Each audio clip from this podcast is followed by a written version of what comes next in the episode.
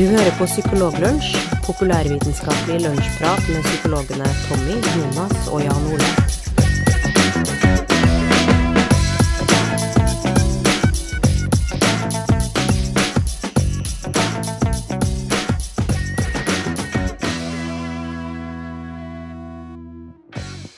Hallo, og velkommen til en ny episode Psykologlunsj. Episode 69. Og jeg sa kanskje at Eller jeg hinta om at jeg skulle synge Summer of 69, men eh, det blir det ikke, altså. Det blir ikke det i den runden her. Eh, Så beklager det. Eh, Dere får ta fram Er det Bryan Adams som har den? Ta fram platene til Nei, det er ikke Bryan Adams, er det? Lurer du virkelig på det, om det er Bryan Adams eller ikke, som har Summer of 69? Ja, jeg gjør det. Nei, det er for dårlig, Jonas. Du kommer jo fra Nord-Trøndelag, og Det er jo det, det er ikke det egentlig der Bryan Adams kommer fra? Kommer ikke han fra Namsos? Det er Kanskje det var derfor de hadde museet i Rock City. Det, det er for Bryan Adams. Det er Br- Bryan Adams, og så er det Smokey, og så er det Hvem flere er det? Det er Bonnie Tyler. Eh, Peter Cetera, han er jo norgesvenn på, li, på lik måte som, som Bryan Adams og, og Smokie. Ja. eh, I, det her er da en psykologipodkast, eh, tro det eller ei. Vi har tre psykologer som sitter rundt om i landet og diskuterer populærvitenskapelig psykologi. I tillegg til, til meg, som heter Jonas, og som bor i Malvik, og som er psykolog, så har vi Jan Ole Hesselberg, som sitter i Drøbak. Og så har vi eh, Tommy Mangerud, eh, som sitter i Melhus. Hallo, gutta. Går det bra med dere, eller? Du, vet du hva? Det, går ikke sånn eh, Det går ikke sånn kjempebra. Nei. Hva, hva er det som står på? Ja, altså Jeg hadde jo gleden av å møte dere på fredag. Ja. Ansikt til ansikt. I eh, eh, øye... Altså jobbøyemed. Ja, vi møttes jo, vi. Var det det, ja? Ja, da var jeg sikkert ganske blid. Helt sikkert uh, ganske blid. Nå begynner det å bli litt grann eh, dårlig, litt uh, småsjuk, og uh, jeg må være hjemme med syke barn eh, i morgen. Ja. Det er ikke vår feil. Nei, det er jo ikke deres feil, eh, selv om man kan bli fristet til å rette den aggresjonen man har over sin nyervervede sykdom, Ja, mot noen andre enn seg selv. Ja. ja, ja men jeg, jeg tror ikke det var oss, altså. Tror ikke det. Nei, det tror ikke jeg heller. Fordi var, ungene var syke før det. Men det, det jeg kom til å tenke på da, som eh, det er et slags refleksjonsspørsmål som jeg kunne tenke meg å ta opp eh, med dere. Ja, ja, kjør på. Ja. Gjør det. Eh, Godt gammeldags reflekterende team, hvor vi, vi er jo stort sett ganske flinke til å ha referanser på de tingene vi snakker om her i Psykologlunsj. Ja. Men nå tenkte jeg å ta opp noe hvor vi kan, kanskje kan diskutere det uten egentlig eh, å vite helt svaret på det. Oi. OK. Fordi, ja, det er vågalt. Jeg vet det. Veldig, veldig vågalt. Og det, en ting jeg, den tingen jeg lurer på, det er Altså, man hører jo hele tiden at menn er ganske sytete når de blir syke. ja. Eh, ja, det har kommet meg for øre, ja. Ja, det har kommet deg for øre. Du, kan du også bekrefte det, Jonas? At det, en, eh, at det er en ting du har hørt? Ja, jeg hører den påstanden, i hvert fall. eh, Den blir fremma ganske ofte, spesielt eh, i, i vinterhalvåret. Ja, ja jeg, jeg, føler den, eh, jeg føler den Jeg møter den sånn eh, relativt ofte. Ikke nødvendigvis hjemme, men at jeg har hørt den i omløp eh, Ja. ganske ofte. Og, så, og samtidig så vet vi jo eh, at eh, kvinner eh, er storforbrukere av, av helsetjenester generelt. Da har Vi har nettopp hatt en ganske stor debatt bak oss om dette med sykemeldinger og, mm. og graviditet og sånn. Eller den dukker jo opp med jevne mellomrom. Og så lurer jeg litt grann på eh, om det faktisk er sånn at menn er mer sytete når de er syke, enn det kvinner der. Mm. Hva tenker dere? Jeg tror eh, Det her blir jo spekulasjoner, noe du oppfordrer oss til å gjøre, men eh, kan det være at menn eh, syter og klager litt når de ikke er ordentlig syke? Altså når de kanskje er skikkelig syke, så, så syter og klager de ikke så mye? Ja. Ja, altså jeg tenker jo jeg tenker jo hvert fall at det er jo en stor forskjell mellom det å bruke helsetjenester og det å syte. Det ene utelukker jo ikke det andre. Du kan være, bruke helsetjenester ganske lite, men samtidig syte. Det er Ja, jo, eller- så det er ikke noen motsetning der nødvendigvis. Eller, eller så kan det jo hende at menn rett og slett ikke vet eh, Altså, de, de har ikke lært seg hvordan man skal være syk. Ja. eh, og derfor framstår veldig keitete og, og, og rar og merkelig fremtoninger når de er syke. Så, og at det derfor eh, er, gjenspeiler seg sånn i statistikken. da, At menn egentlig bruker lite helsetjenester og, og er lite sykmeldt. eh, Og derfor har de lite erfaring med Når de først blir syke, så, så, fremstår, så følger de ikke kodeksen. da. De vet ikke helt hvor de skal plassere liksom, eh, det ubehaget hen. Eh, hva de skal gjøre med det, som å gå til legen og sånt. Så de bare klager. Sant? En, en, ting jeg, en ting jeg har lurt på, er om det kan være en slags sånn instrumentell klaging eh, for å oppnå noe annet, og det eh, Nei! Men hør her, da, fordi eh, eh, Hvis de er syke og er hjemme fra jobb, da er de jo hjemme alene. Det er det jo. Eh, sånn at de eh, Jeg regner jo ikke med at det, det er jo ikke mulig å kartlegge sytinga da, Nei. Nei, det er sant. når de er der alene. Men så stort sett når de syter, så er det jo snakk om at de syter til noen, og det vil jeg regne med er kona, som ei har kommet hjem fra jobb. Så det skjer enten på ettermiddagstid, kveldstid, eller i helgene. Sånn Ja. som i dag, så er det jo en eh, søndag. Og det som veldig ofte skjer da i helgene, og, og veldig ofte i ukedagene på, på ettermiddags- og kveldstid, det er jo at det går sport på TV. Ja. Eh, og at det, kanskje har de lyst til å se litt grann på sport. Sånn som jeg f.eks. kan få lyst til eh, når det er skiskytter-VM og eh, jaktstart. Mm, det er sant, det. Det er et poeng der. Eh, og, og ikke bare skiskytter-VM, men også kombinert, eh, som, som gikk i helga nå. Og der var det mye syting, syting der. Der var det jo bare klaging hele tida på at folk drev og tråkka hverandre på skia og alt mulig sånn. Det skulle ha vært en tredje gren i kombinert, ikke bare skihopp og, og skigåing, men også at du hadde kamera liveoverføring fra den klagebua til FIS. For det var, det var dårlige greier, altså. Eh, og da mista vi alle lytterne våre, bortsett fra den ene som har fulgt med på kombinert. Ja, den ene så, igjen så, i landet som ser på kombinert. Men uh, uh, bare for å ta det litt mer i en seriøs retning, da, så hadde jo vært, det hadde jo vært en artig oppgave å se om det faktisk er, er sånn. Ja. At menn klager mer. For det helt sikkert mulig å finne ut av det på en eller annen eh, god måte. Og kanskje det er noen som har sett litt på det allerede i eh, litteraturen. Ja. En oppfordring til alle som eh, sitter og funderer på hva de skal skrive i hovedoppgave og sånt nå på psykologistudiet.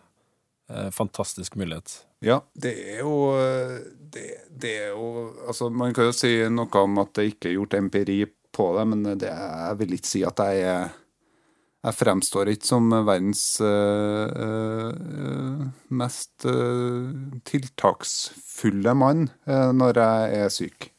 Eh, Så jeg forstår jo litt hvorfor jeg blir konfrontert med at jeg, at jeg kanskje er litt eh, At jeg krever litt, eh, litt mye akkurat når jeg, når jeg er dårlig. Men det, kan hende at eh, jeg er en, ut, eh, en outlier, da. At jeg egentlig ikke er sånn som eh, andre menn. Nei, men jeg kan jo Jeg kan, jo, jeg kan nok hive meg på det sjøl òg. Jeg fremstår nok ikke som spesielt standhaftig. Jeg er ingen bauta eh, når jeg er syk. Nei, det er vel lov å hive seg med på det.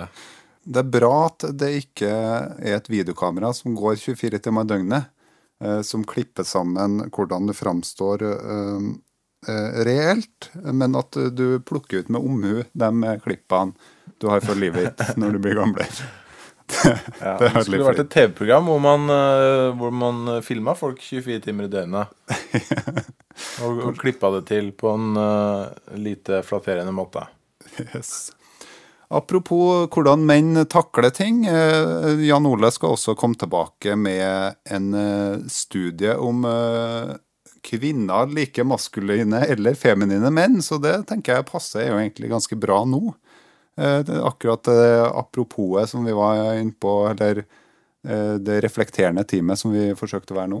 Så eh, hva, hva er det kvinner liker, egentlig? Liker de maskuline menn som liker å ta ut et tak og kanskje har øksa stående ute i gangen? Eller liker de feminine menn som, som gror kanskje skjegg, går i flanellskjorte, men, men som snakker om følelser?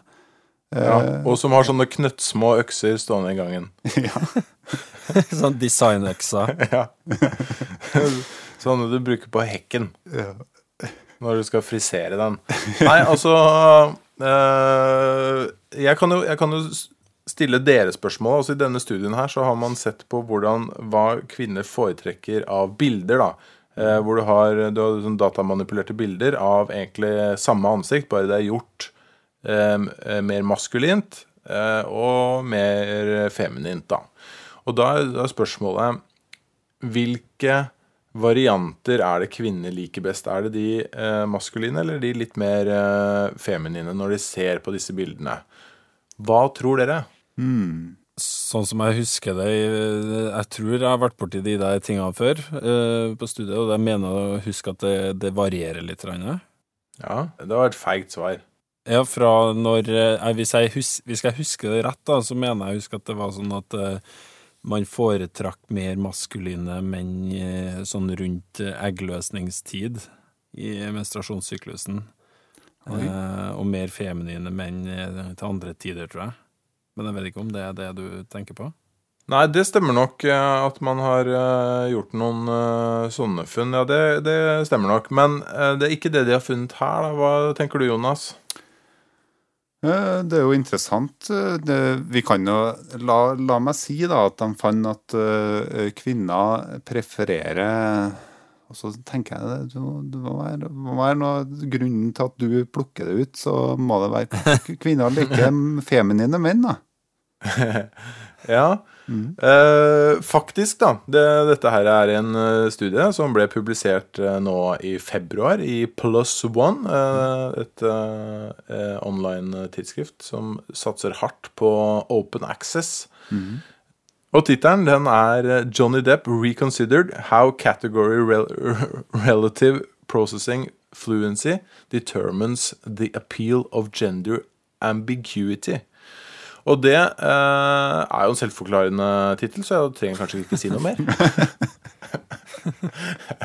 Nei da. Det er eh, svaret på spørsmålet om de liker feminine eller maskuline ansikter i denne studien, er faktisk både og. Oi. Og det er ganske avhengig av hvordan du stiller spørsmålet. Akkurat. Og eh, her har de da tatt eh, De har brukt Johnny Depp i eh, artikkelen fordi eh, kvinner har, liker Johnny Depp veldig godt. Det er det ingen tvil om. Når man spør, så kommer han veldig høyt uh, opp blant, uh, blant uh, kjendiser som kvinner liker. Og han har jo ganske feminine ansiktstrekk. Og så har man undersøkt det, og når kvinner blir bedt om å velge det ansiktet de liker best, så velger de et ansikt som er vesentlig mer eh, feminint, da. Eller som heller mot Eller har ganske utprega feminine trekk. Ja.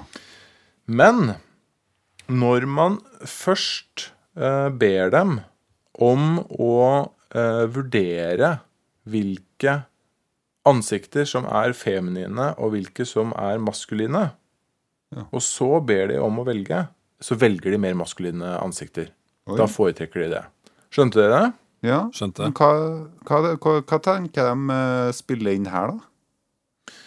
Nei, altså det de eh, Det forskerne mener, er at eh, sånn i utgangspunktet så, så er det jo eh, Har man jo tenkt at feminine ansikter, det er forbundet sånn evolusjonært sett, også forbundet med høyere grad av troverdighet, høyere grad av at du er tillitsverdig, eh, og at du kanskje er en mer stabil partner. Det har man jo sett, at det er, det er forbundet med sånn, visse hormoner som kanskje også er med på å predikere eh, sånne type eh, trekk. da. Ja. Hvor godt det er fundert, det vet jeg ikke helt. Men, men, uansett så tenker man seg at dette er kanskje forklaring på hvorfor kvinner foretrekker litt feminine eh, ansiktstrekk. Mm. De er gode partnere. Men det som skjer når man blir bedt om å kategorisere disse ansiktene, det at man blir veldig bevisst på de stereotypene som følger med disse kategoriene. Så det er veldig fokus på eh, at maskuline trekk er det som er å foretrekke for kvinner.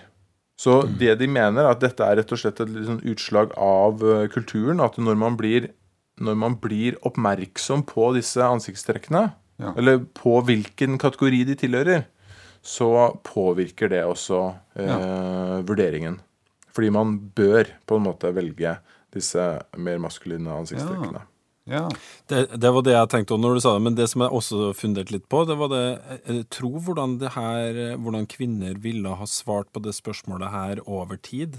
Mm. Altså, det hadde vært mm. veldig bra hvis de hadde greid å Hvis de hadde hatt et sånt longitudinelt Eller sånn uh, hvor de starta for 50, kanskje 100 år siden og stilte samme spørsmålet, det første der, hele ja. til kvinner gjennom forskjellige ja. tidsperioder. Mm.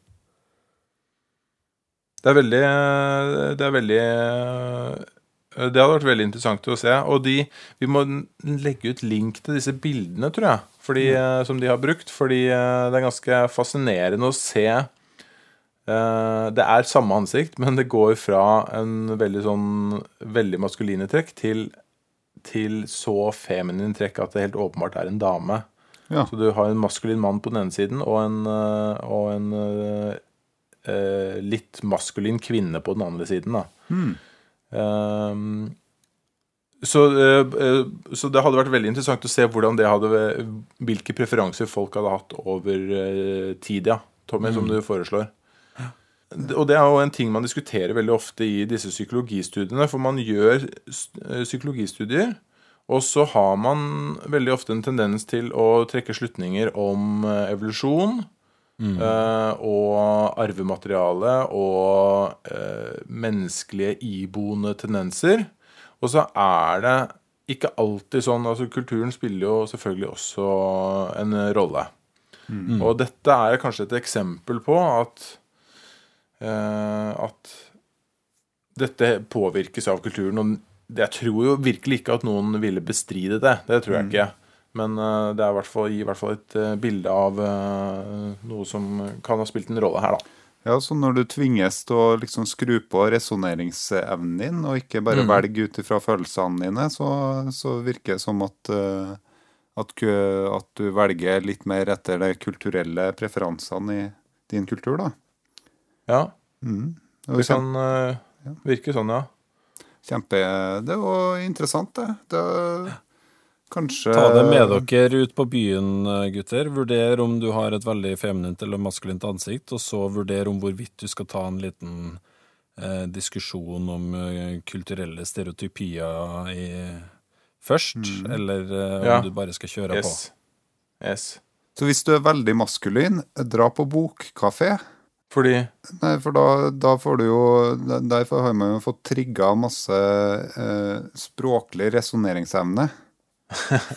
mens, eh, mens, hvis man eh, har feminine ansiktstrekk, dra på diskotek. Mm. Tipset, må jo, tipset, må jo, egentlig være at hvis du er, har veldig maskuline trekk, så må du alltid, eh, når du skal sjekke opp en dame, så må du alltid først spørre hva synes du? Synes du jeg har maskuline eller feminine ja. trekk? Og ja. da sier hun det, ja, maskuline, og da, da blir hun automatisk ekstremt tiltrukket deg. Ja. Lurt. Ja, så enkelt er det. Så enkelt er det. Dette, kan, eh, dette er anvendt forskning. Det her lukter, lukter det en sjekkebok av. Eh, vi har alle det første kapittel klart. Eh, og Vi har vel strengt tatt én setning klar. Ja, men en veldig bra setning, da. Ja. En slags punchline, rett og slett. Og så blir det jo spennende om, om uh, Nå er det en overgang. Bare hør på den overgangen her. Da. Ja, vi gleder oss. Kjør på. og så blir det jo spennende om, uh, om denne eh, studien her da kan replikkeres. Ja. Og at og at den da blir inkludert i noe som heter The Reproducibility Project, som vi aldri har nevnt her på podkasten før, men som Tommy fant ut at det var fornuftig å ta for seg. For innenfor psykologien, altså psykologien har jo fått eh, omfattende kritikk, spesielt eh, da kanskje eh, den delen av psykologien som er mer eh, eh, samfunnsvitenskapelig, eller, eh, eller eh, altså orientert mot eh, samfunnsvitenskapene, sånn som sosialpsykologien. Eh, og innenfor eh, de her feltene så, så er det et stort prosjekt nå som, eh, som prøver å, å, å oppmuntre til replikering av store funn innenfor akkurat det her. Men Tommy, du fortell litt mer om det. Ja, altså, og for nye lyttere som ikke har fått med seg at vi har snakket om det før, så er det her altså Det er et prosjekt som, hvor et team med 270 forskere da, har jobba sammen for å prøve å altså, eh, replikere eller re, reprodusere, eller altså gjenta gamle eller allerede publiserte undersøkelser da, som var innenfor sosialpsykologien, blant annet for å se om de greier å få det samme svaret. For sånn er det jo, det er jo sånn vi liker at forskninga skal være, nemlig at eh, når du da har funnet en konklusjon i, og får publisert den, så, så kan man teste den. Uh, og hvis at den da viser seg at en, en annen gruppe forskere får, eller når man gjør den en gang til, får det samme resultatet, så tyder jo på at man har uh, at man er innpå noe, da. Og som uh, Jan Ole har fortalt om før, så har man da altså gjort den Altså gjennomgått en hel rekke med, med gamle forskningsresultat og funnet ut at uh, ca. Eh, altså godt under halvparten av eh, de her gjentatte forsøkene ga samme resultat. Litt avhengig av hvilke må- målemetoder de brukte, så var det da enten 36% som hadde samme resultat, eller, eller 47 da, hvis man brukte en annen statistisk metode. Ja. Altså ganske dårlig, da. Eh, Ja, sant, for da, da ja. tar de og gjennomfører studiene på nytt med akkurat samme designet som de var gjort på Ja. i utgangspunktet. Og, og da skal det jo, altså hvis det holder i resultatene, så skal, jo, skal man jo da kunne se de samme resultatene i den nye studien. Ja. Og det som er litt morsomt da, er jo da at når man har et stort eh, eksperiment som eh, da forsøker å reprodusere gamle psykologistudier, så hadde det jo vært veldig fint hvis det reproduseringseksperimentet kan reproduseres, og man får de samme resultatene av det. Eh, og det har da vist seg å være vanskelig. Ja. Ja. Det er litt morsomt. Eh, så i eh, Det var vel i eh, Var det i Science, tror jeg, eller var det i Nature? Det var en av de Jo, det var i Science. Ja. Så har da en, eh, en gjeng med forskere eh, gått gjennom de eh, de, ta, de tallene eh, fra The reproducibility, Study og funnet ut at de syntes det var en god del svakheter med det, og med noen andre eh, måter å regne på, så mente de at de da kunne få opp mot 100% samme resultat på de undersøkelsene. OK. Ja, hva, hva, Eh, ja, hva, hva mener du med det, Tommy? Ja, jeg skal prøve å forklare det uten at folk sovner, da. Eh, men jeg kan, jeg kan ta litt eh, de innvendingene de hadde. da. For det første så har da eh, de, her ny, de her nye forskerne eh, kritisert eh, denne gjengen fordi seleksjonen av de eh, studiene som inngikk i Reproducibility Project, ikke var randomisert. Ja, ok. De var selektert Altså, de, de Det var Det var For det første så var det Hadde man valgt bare to disipliner i psykologien, Mm. eh, og da utelukka store områder som utviklingspsykologi, klinisk psykologi. Um, og da uh, var det da denne gruppa til han Nosek som da uh, valgte kun tre tidsskrift. Ja. Og igjen, da, når at de da Det var andre forskere som eh, utførte undersøkelsene. for å prøve å gjenta studiene. Og de igjen fikk da lov å velge hvilke av de her studiene de ville forsøke å gjenta. Ja. Og så hadde de også ment at de eh, gjentok de 100% likt. Og det mente jeg at det var mange av de eh, som ikke De var ikke 100% lik. Blant annet et eksempel var at de hadde de hadde, En av de, de undersøkelsene som skulle gjentas, det var et eksperiment som gikk på det her med rase Altså diskriminering. Ja. Hvor, eh, som handla om amerikanske lovverk, tror jeg, eller sånn eh, diskrimineringslover. Og så hadde det blitt eh, reprodusert i Nederland. Ja. Eh, som da kunne være Da kunne det være på en måte andre faktorer som spilte inn. Sant? For, det, for det, det, det var opprinnelig fra USA, eller? Det var opprinnelig fra USA, Stanford. Um, og eh, NOSEC, da, eller de fra Reproducibility Project, de hadde da kategorisert den, eh, den her, eh, det her eksperimentet som eh, virtually identical.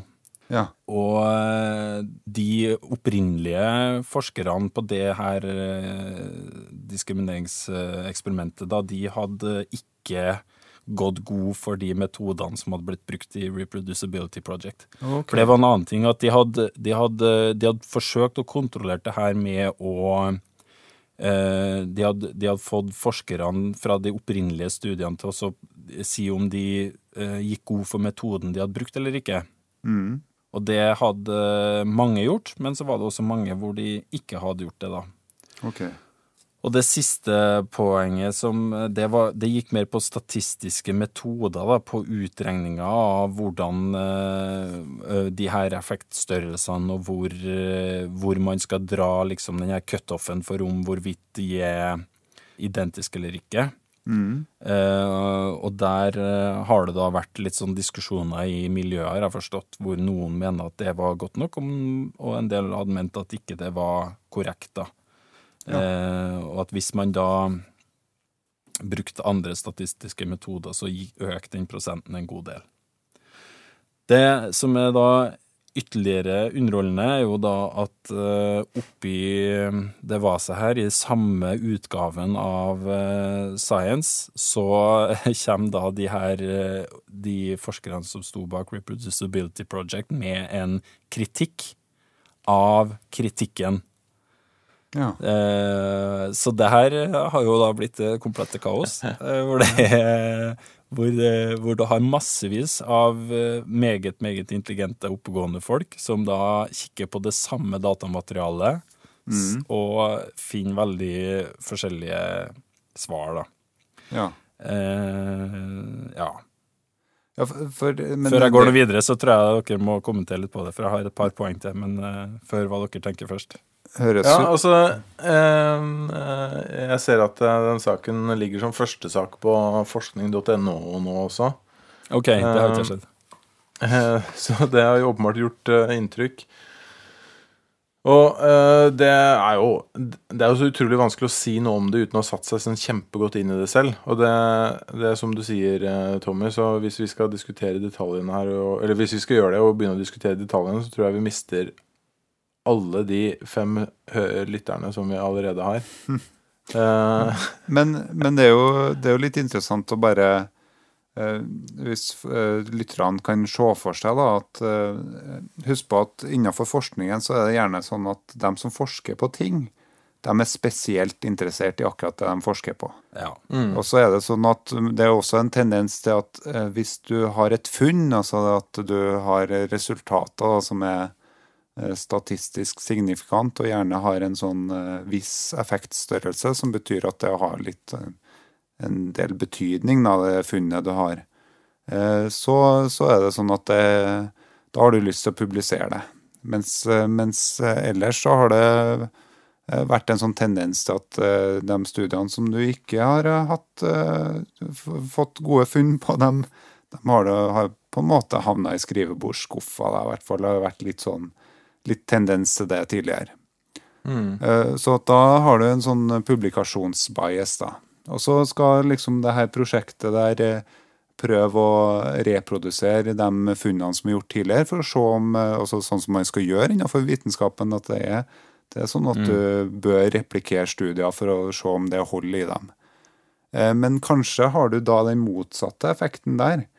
At, eh, at for i, en sånt, eh, re, eh, i et sånt type prosjekt eh, Hvis du da ikke tilfeldigvis plukker ut eh, studiene og etterprøver dem, så vil du da få folk som er kanskje er interessert i å akkurat ta for seg det studiet, fordi at de kanskje ser for seg at det hadde vært interessant å, å slå tilbake på, på et vis. Ja, ja. Uten at, eh, uten at jeg skal si at det er motivene bak til folk, men det er jo lett å se for seg at det kan bli et scenario. da. Ja, du har, du har hvert fall du har, vært, du, du har helt sikkert personlige preferanser som trekker litt i motsatt retning. Ja, Det har du helt sikkert. I, i godt designa forskningsprosjekt så skal jo ikke det spille noen rolle, selvfølgelig.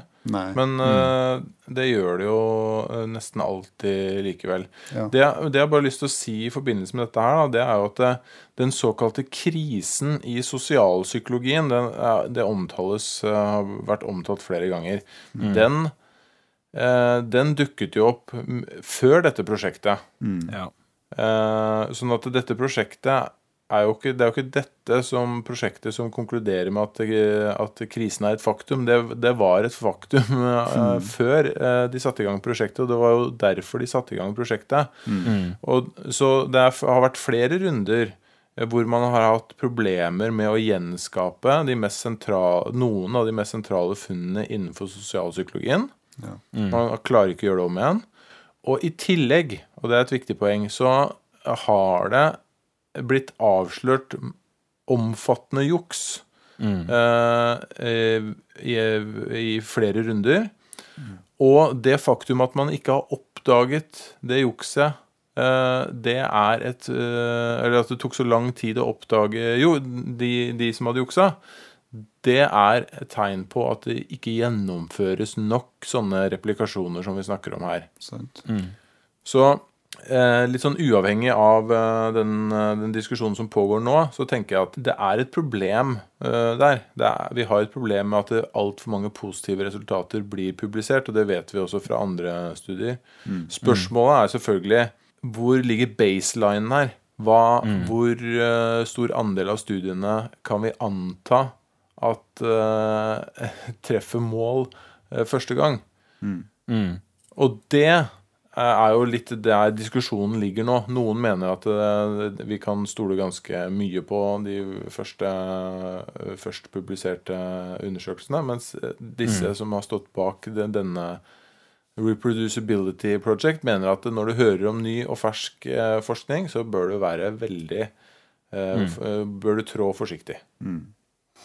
Ja, du, du, du nevner jo alle de poengene som jeg hadde tenkt å ta her. Altså for det, var, det, jeg tror krisen er jo et faktum. Og det at undersøkelsene gjentas så sjelden, er jo det store problemet uansett.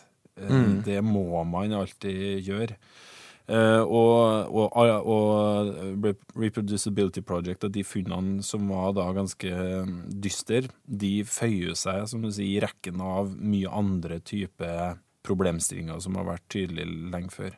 Det må understrekes at ingen av de to, verken, verken Reproducibility Project eller de her som har gått gjennom eh, dataene i etterkant, har funnet at akkurat på de her eh, studiene så eh, foregikk, forelå det juks eller, eh, eller uærlig forskning, da. Nei. Men det er helt rett som du sier, at det er jo også et problem. Og så lenge man vet at det forekommer en eneste gang, skal du si, så må man jo nesten bare gjenta undersøkelsene for å være sikker. Og og bare for å bare for å ha sagt det, så var det, det var to sånne store skandaler hvor det var annet en som var dekan på et universitet i Nederland, som hadde publisert en 40-50 artikler, og antakeligvis eh, de aller, aller fleste bare var ren eh, juks. Eh, og da var det store spørsmålet hvordan kunne han holde på så lenge og bare spy ut artikler som eh, var basert på juks, uten at det ble oppdaga.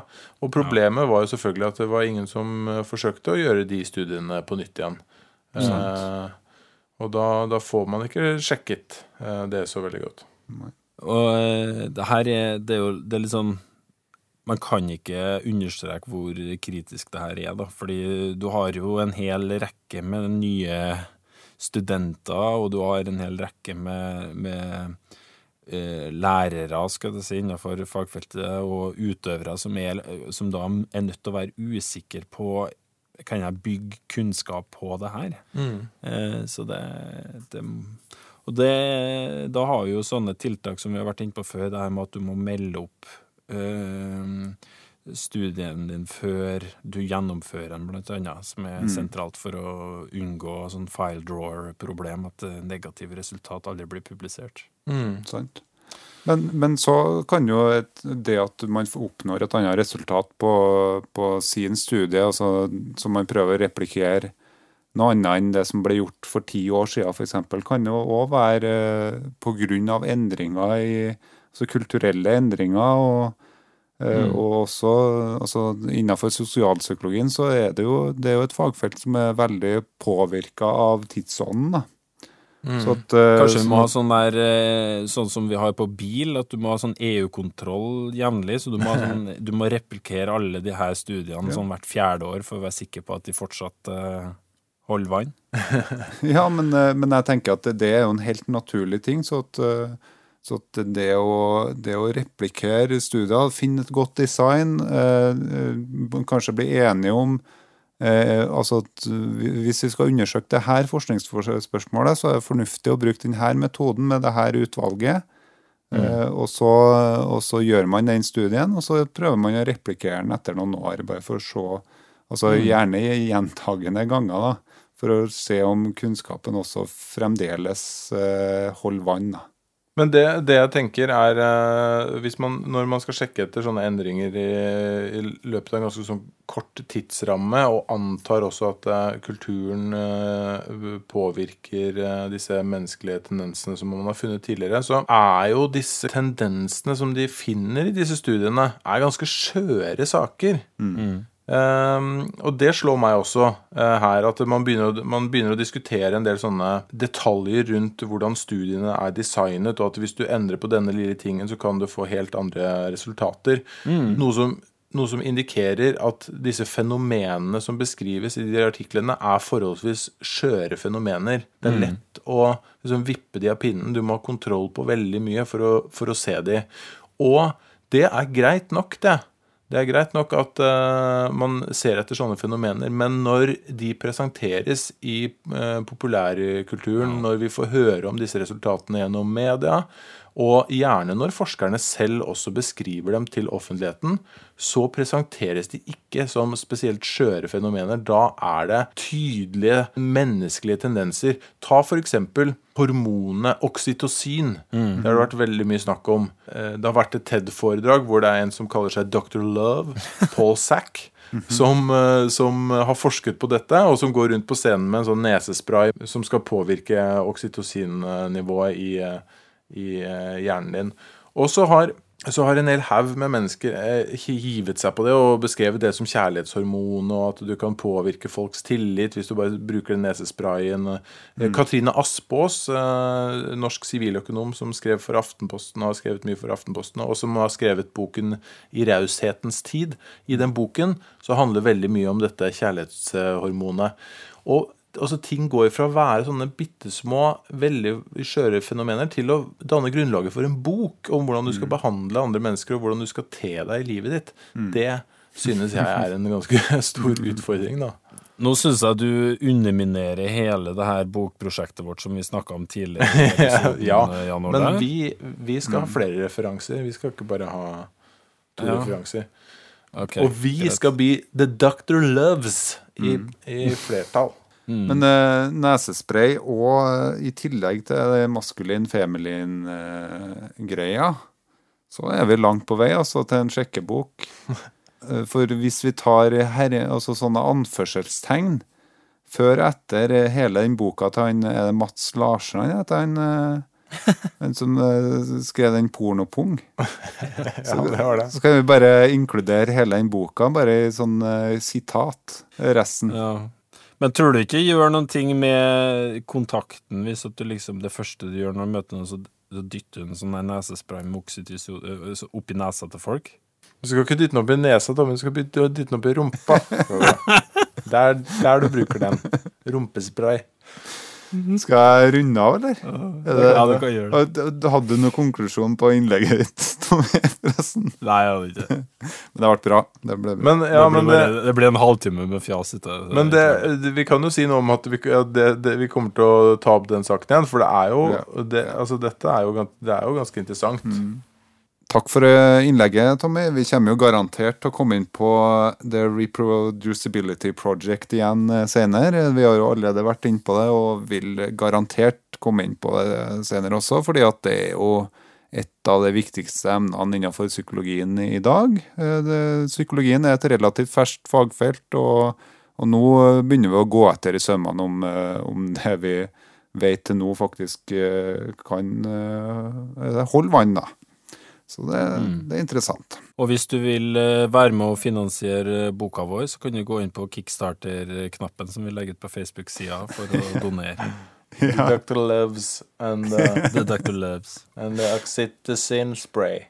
Jeg håper, jeg håper at eh, også noen, eh, om noen uker at noen setter i gang en, eh, en eh, ekstra en sånn, eh, Prøver å replikere podkasten vår. Eh, lage en Psykologlunsj 2. Eh, lykke til med å finne en eh, stand-in, altså en som uh, klarer å kopiere mine egenskaper som programleder. Det tror jeg går ganske dårlig.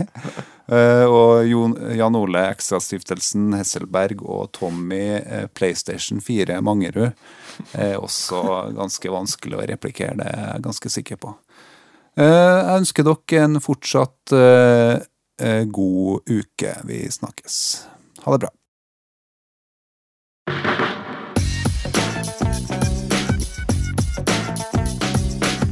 Du har nå lytta til Psykologlunsj. Har du noen spørsmål, kan du søke opp Psykologlunsj på Twitter, eller du kan sende en e-post til psykologlunsj, alfakrøll.gmail.com. Mer informasjon om temaet du har hørt i dag, finner du på psykologibloggen.no og tankesmed.no.